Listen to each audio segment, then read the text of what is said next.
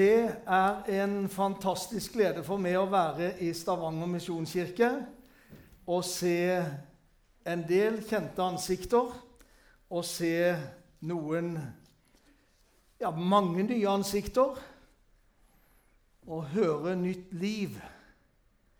Jeg var jo veldig spent når jeg fikk annonsert at det skulle være reunion av Nytt Liv. Så visste jeg jo sånn at det er blitt en sånn popularitetsbølge med demenskor.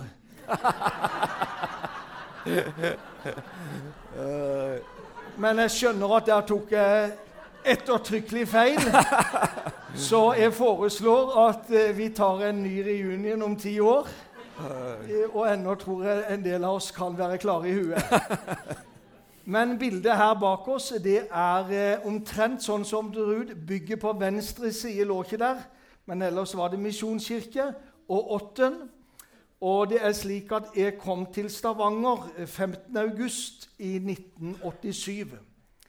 Da hadde Hege og vi gifta oss 14 dager før. Eh, og eh, jeg fikk litt pes. Hvor er Per Henning den gang? Pedersen, nå Upstad. Når han underholdt, så kunne han lage egentlig ganske mye gøy med det kjærlighetsforholdet til Hege og meg når jeg hadde delt det ved noen anledninger. Eh, jeg er veldig glad at ikke du skal ha reprise på den i dag. Eh, og Så var jeg tilbake i Stavanger i 1992 og via Line og Per Henning på vår femårs bryllupsdag. Den 31. juli. De husker jeg. Eh, og så er det ikke ofte jeg har vært i Stavanger eh, på de åra, de må ha lov å si.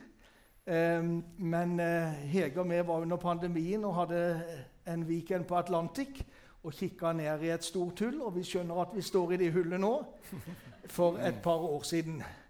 Eh, og så er det fantastisk moro å være her. Nå presenterte du det, Hege, men du får komme frem her, da. Sånn at de også kan se det.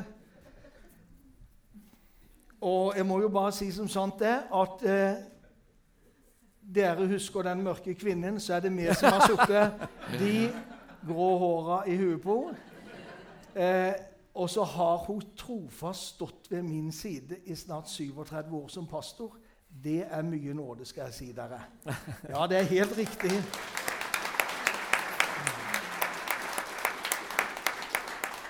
Og så eh, har vi tre barn som kom i åra etter vi reiste fra Stavanger. Og nå har vi fire barnebarn, snart fem. Og jeg har sagt til svigersønnene mine bare fortsett å lage så mange barnebarn dere kan, så skal vi hjelpe å passe dem. Og det jobber de med så godt de kan nå, skjønner jeg. Eh, og så er vi nå bosatt i Grimstad. Men Hege har fulgt med. Jeg må jo bare si, Dere skjønte det, det var det Per Enning underholdt med. Jeg, jeg falt pladask for Hege og er ennå bare så vidt kommet opp i knestående. Så det er mye nåde at hun har vært sammen med meg på de åra. I love you. Ja. Kan få lov hvis du vil. Hvis du ikke så kan. Da må du ha en mikrofon hvis du skal si den. Her, ta den. mikken står der. Der. Det er veldig fint å være her. Det er ikke ofte vi er i Stavanger. Og det er gode minner fra de tre åra som vi har eh, hatt i Stavanger. Eh, vi kom, eller jeg kom som 21-åring her i 1987. Eh, fra litt sånn trauste Sørlandet. Så det å komme til Stavanger, som var liksom litt mer internasjonal by, og det var veldig stas, kan jeg huske så mange gode minner. Og menigheten Vi hadde så flott ungdomsmiljø her i Stavanger, i Misjonskirka. Som jeg sitter igjen med så, altså Det er utrolig mange fine opplevelser og turer og minner som jeg skal ta vare på resten av livet. Og den eh, åtten der, der eh, det har jo liksom blitt litt oppgradert skjønner jeg, siden den gang vi satt der og hadde ungdomsmøte. Så det er veldig fint å være i det nye bygget deres. Men én ting jeg ikke savner, det er at jeg alltid måtte ha paraply med meg. Det, så det, ja. Den gangen så var det gudstjeneste på søndag klokka 11. Så var det søndag kveld klokka 19. Og så var det ungdomsmøte på lørdag kveld klokka halv åtte. Så det var tre møter. Og når jeg fikk, eh, kom her til Stavanger, så hadde jeg et ønske om at ungdommen ville ha bibelundervisning på fredag kveld. Og det begynte vi annenhver fredag kveld, og en del av de ungdommene var her fredag kveld. Annenhver uke hadde vi de. Lørdag kveld og søndag kveld. Og de mest ivrige var på gudstjenesten òg. Så ting har endra seg i løpet av de åra. Jeg syns jo for pastorer så er det mye mer behagelig med en gudstjeneste på søndag. og tenker Det var helgas jobb. Eh, og så er jo jeg noen få år eldre enn Hege da. Og snart er jeg pensjonist etter å ha holdt på med dette i nesten 40 år. Og eh, det kan bli greit, det også, tenker jeg. Det er ikke sikkert jeg tar en sånn Sten Sørensen og holder på til jeg sitter på hjemmet. For han han gir seg jo ikke så veldig enkelt. Yes, men uh, han er i Arendal i dag, og jeg skal være her. Jeg vet ikke hvor lenge jeg har fått lov å preke her, men han har antyda ei tid. Og så ser jeg når dere begynner å ikke bare se på klokka, men liksom riste og se om den har stoppa. Da skjønner jeg jo at jeg skal si ammen. Men jeg har en ting som jeg har tenkt på, og det ble utrolig sterkt for meg når Nytt Liv sang den siste sangen, og du sang den solosangen. Fordi at eh, det er et tema som jeg tror kom til meg, kan jeg si. Nå må du hjelpe meg, for nå får jeg ikke den til å virke. Og det er at jeg kommer til å snakke om takknemlighet.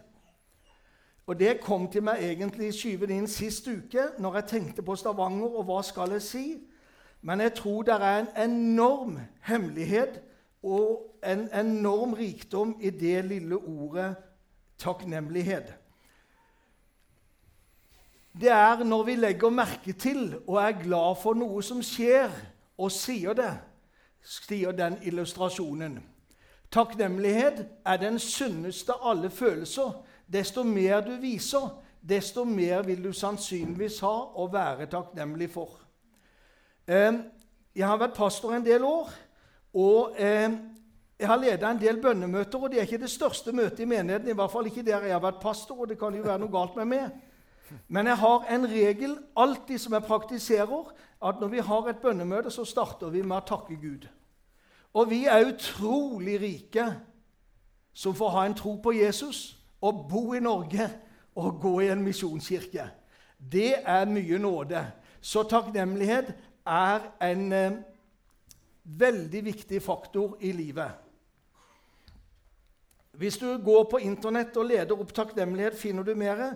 Hvis du i tillegg kan gå inn på gratitude, som det heter på engelsk, så vil du finne hvordan gratitude-forskere, takknemlighetsforskere, har sett hva det gjør med deg og meg når vi lever i takknemlighet.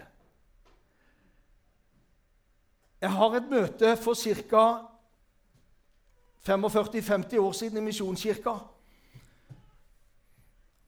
Du kjente de godt. Der står en mann oppe i en liten bibelgruppe, en husgruppe vi har. Han var noen år eldre. Og så sier han En dag så kom jeg inn på soverommet, og så ser jeg at senga var reid opp. Og så tenkte jeg hver eneste dag blir den reid opp. Og jeg har aldri gjort det. Og så måtte jeg si tusen takk til kona mi. Og så begynte den mannen å snakke om takknemlighet. Og de beit seg fast i tenåringen. Og jeg tror du og vi har utrolig mye i vente om vi tar takknemlighet. Jeg skal ikke ta med meg hele familien, men du ser dette er familien Munter fotografert en gang på 60-tallet. Og den kjekkisen med tvers over midt i, det er meg. Og du ser det var fare å smile for mye. Men jeg har tre eldre søsken. Min bror blir 75 nå, og så er jentene mellom oss. Og jeg satte inn i Bibelen min den gangen et familiebilde tatt litt seinere, eh, hvor jeg sier 'takk Gud for de'.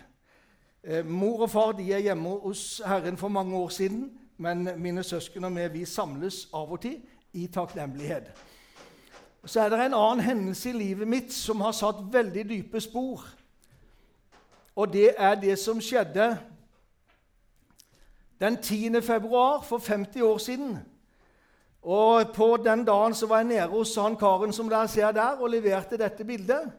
Han til venstre, dessverre, han reiste for to år siden, bare 65 år gammel men noen kjente. Jeg var jo blitt ungdom da jeg avla speiderløftet, men det er kanskje en av de mest betydningsfulle dagene i mitt liv, for jeg syns det var gørr kjedelig å gå på møter.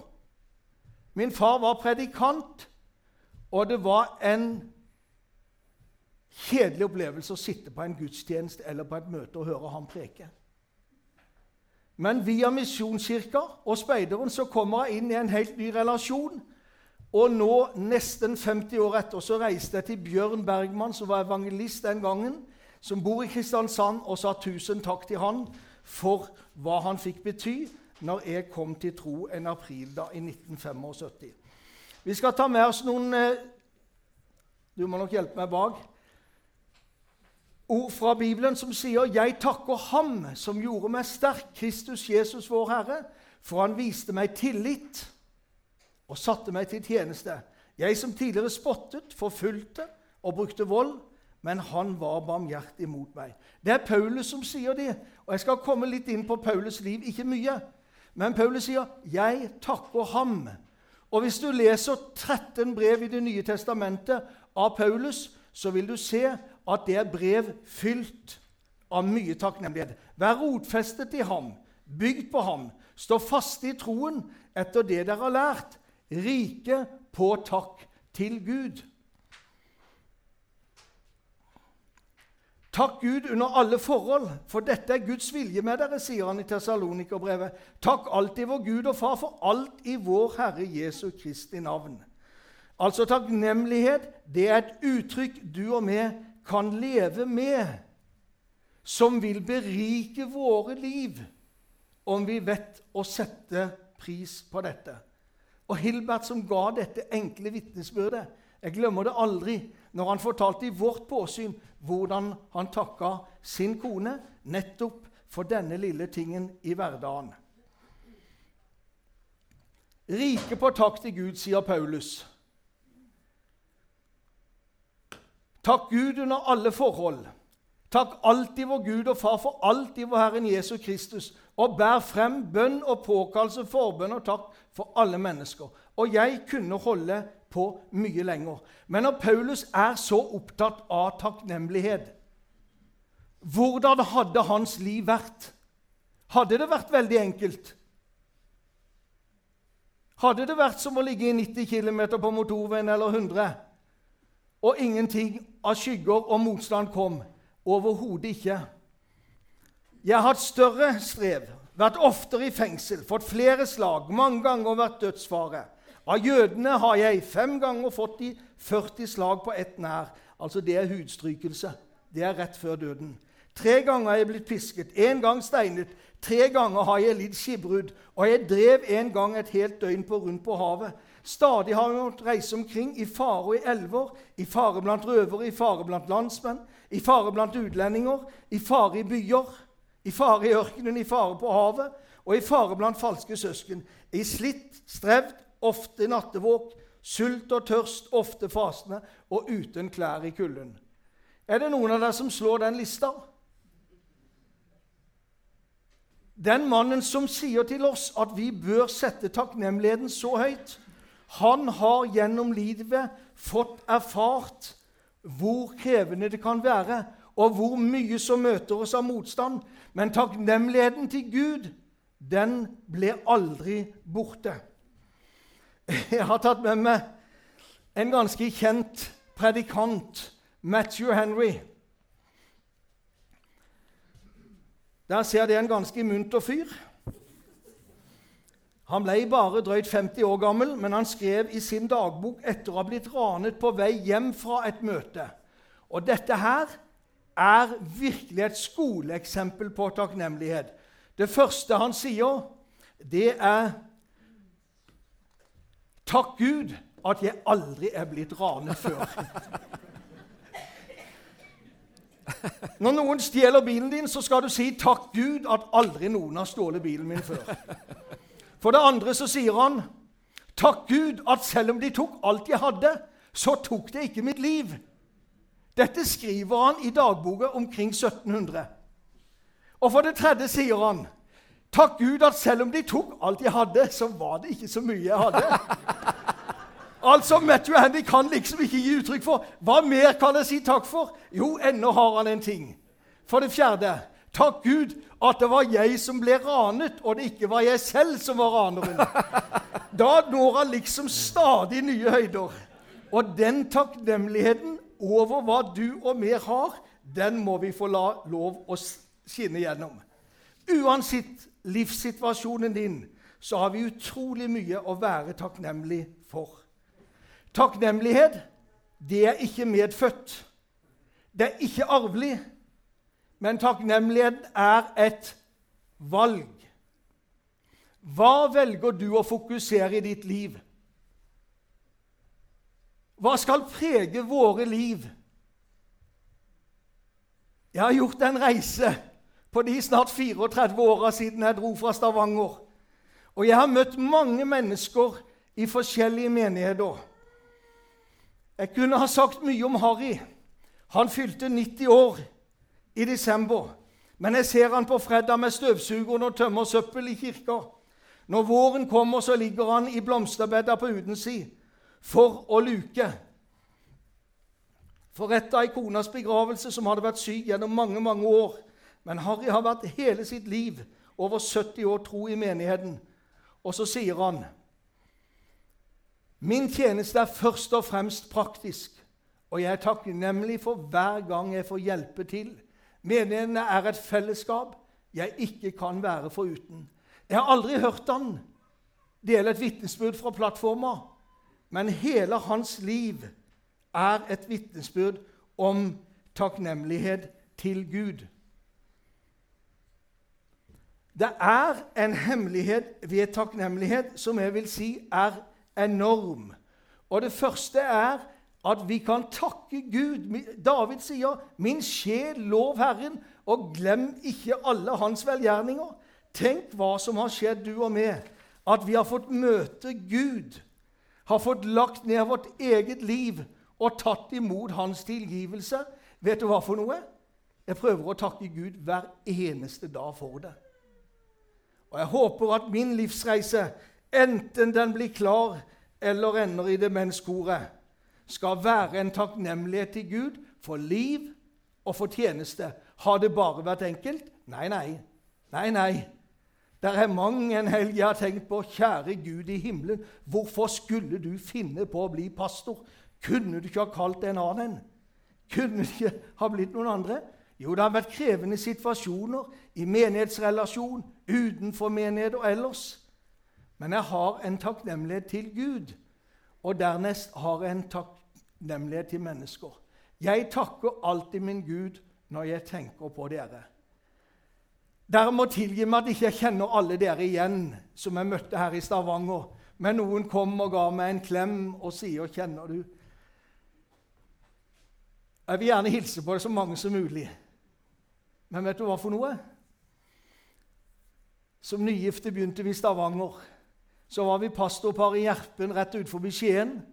Så var vi en lang periode i Oslo misjonskirke. Fra Oslo gikk turen tilbake til Sørlandet.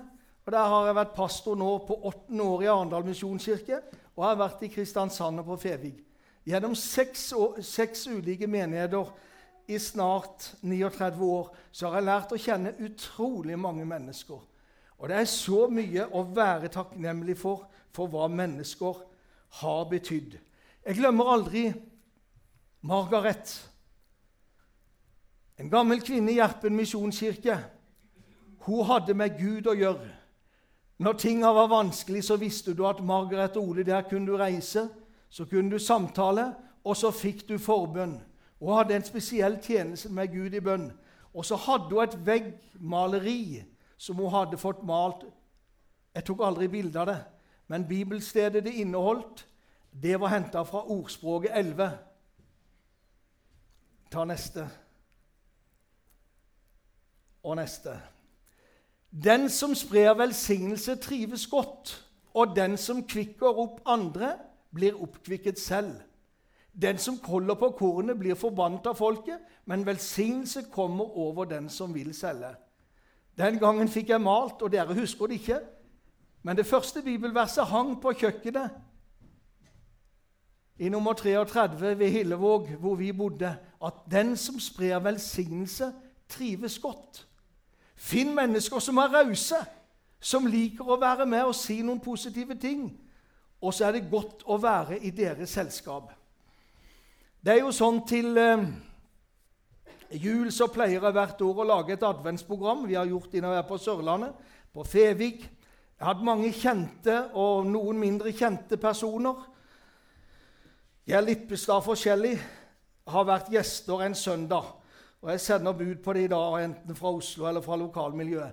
Jeg har egentlig hatt veldig lyst til å ha denne jenta på besøk. Birgitte Skarstein. Hun er 35 år gammel nå og fylte akkurat. Sjekka det opp. Og så tenker vi av og til så uheldig hun var i livet. Som au pair eller som hjelp ute i Asia så blir hun lam. Hun hadde løpt til hun var 20 år. Og så sier vi 'Hvordan er det med et handikap?' Hva sier Birgitte?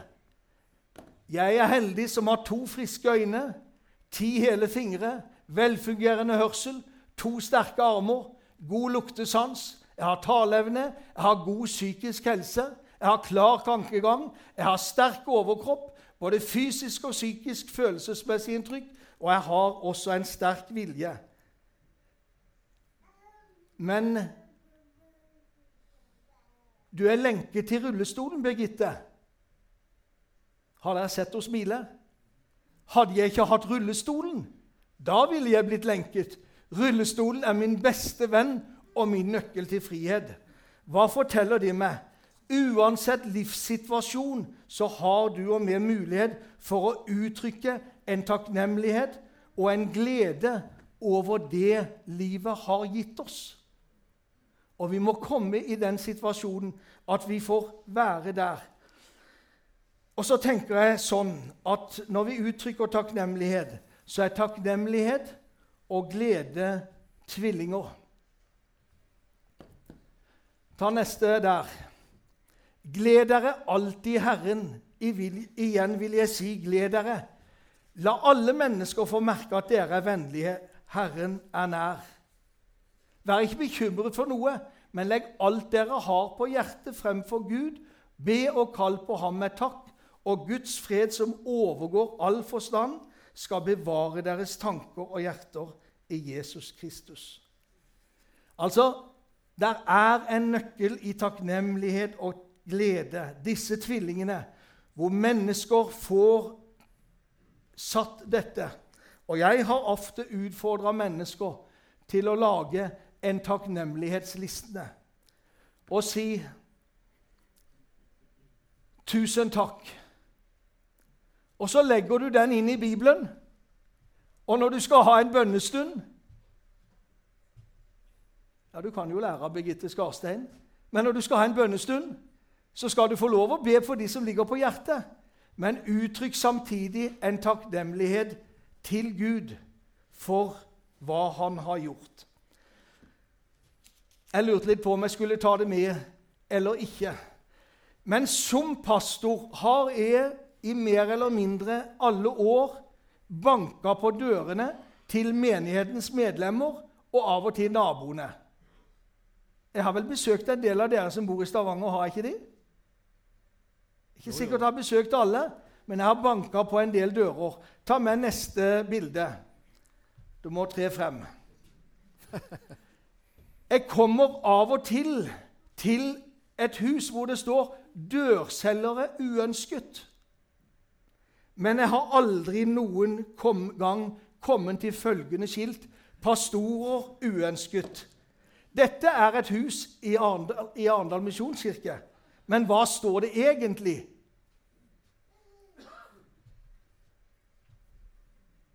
Og Gang etter gang når jeg møter mennesker i menighetslivet, så prøver jeg å fokusere nettopp på dette. Takknemlighet for at vi har et fellesskap, at vi har en Stavanger misjonskirke, at jeg skal bygge et menighetsfellesskap i disse lokalene jeg holdt på å si, i gamle Knut Holms gate 8, eh, i nye lokaler, så skal dere få lov å bygge et fellesskap som skal være sterkt, og hvor mennesker skal få lov å komme og være med. Rike på takk til Gud. Du har sikkert glemt det meste som er preka her gjennom tre år. Og det er helt greit. Men jeg har et lite ønske om at når jeg besøkte dere i det nye kirkebygget, så skal du huske ett ord takknemlighet. Rike på takk til Gud. Og så spurte jeg dirigenten om ikke dere kunne synge én gang til. How can I say thanks for all the things you have done for me? Far i himmelen, vi kommer frem for deg i Jesu navn. Og vi sier at det er ikke alltid så lett for oss. Men gjennom alt så har vi lært å stole på deg. Og vi uttrykker en takknemlighet. Takk, Herre, at du elska verden så høyt at du ga din sønn. Og takk, Herre Jesus, at du kom og ga deg sjøl for oss. Og gjennom ditt liv har vi fått liv og kan leve, Herre Jesus, i fellesskap med det. Takker deg for denne menigheten her, for Misjonskirka. La dette lokalet bli et sted hvor det blir fylt med glede og takknemlighet, hvor mennesker sammen kan tilbe det og dele fellesskap med hverandre og kjenne uendelig hva det betyr å få dele troen. Det ber jeg deg om i Jesu navn. Amen.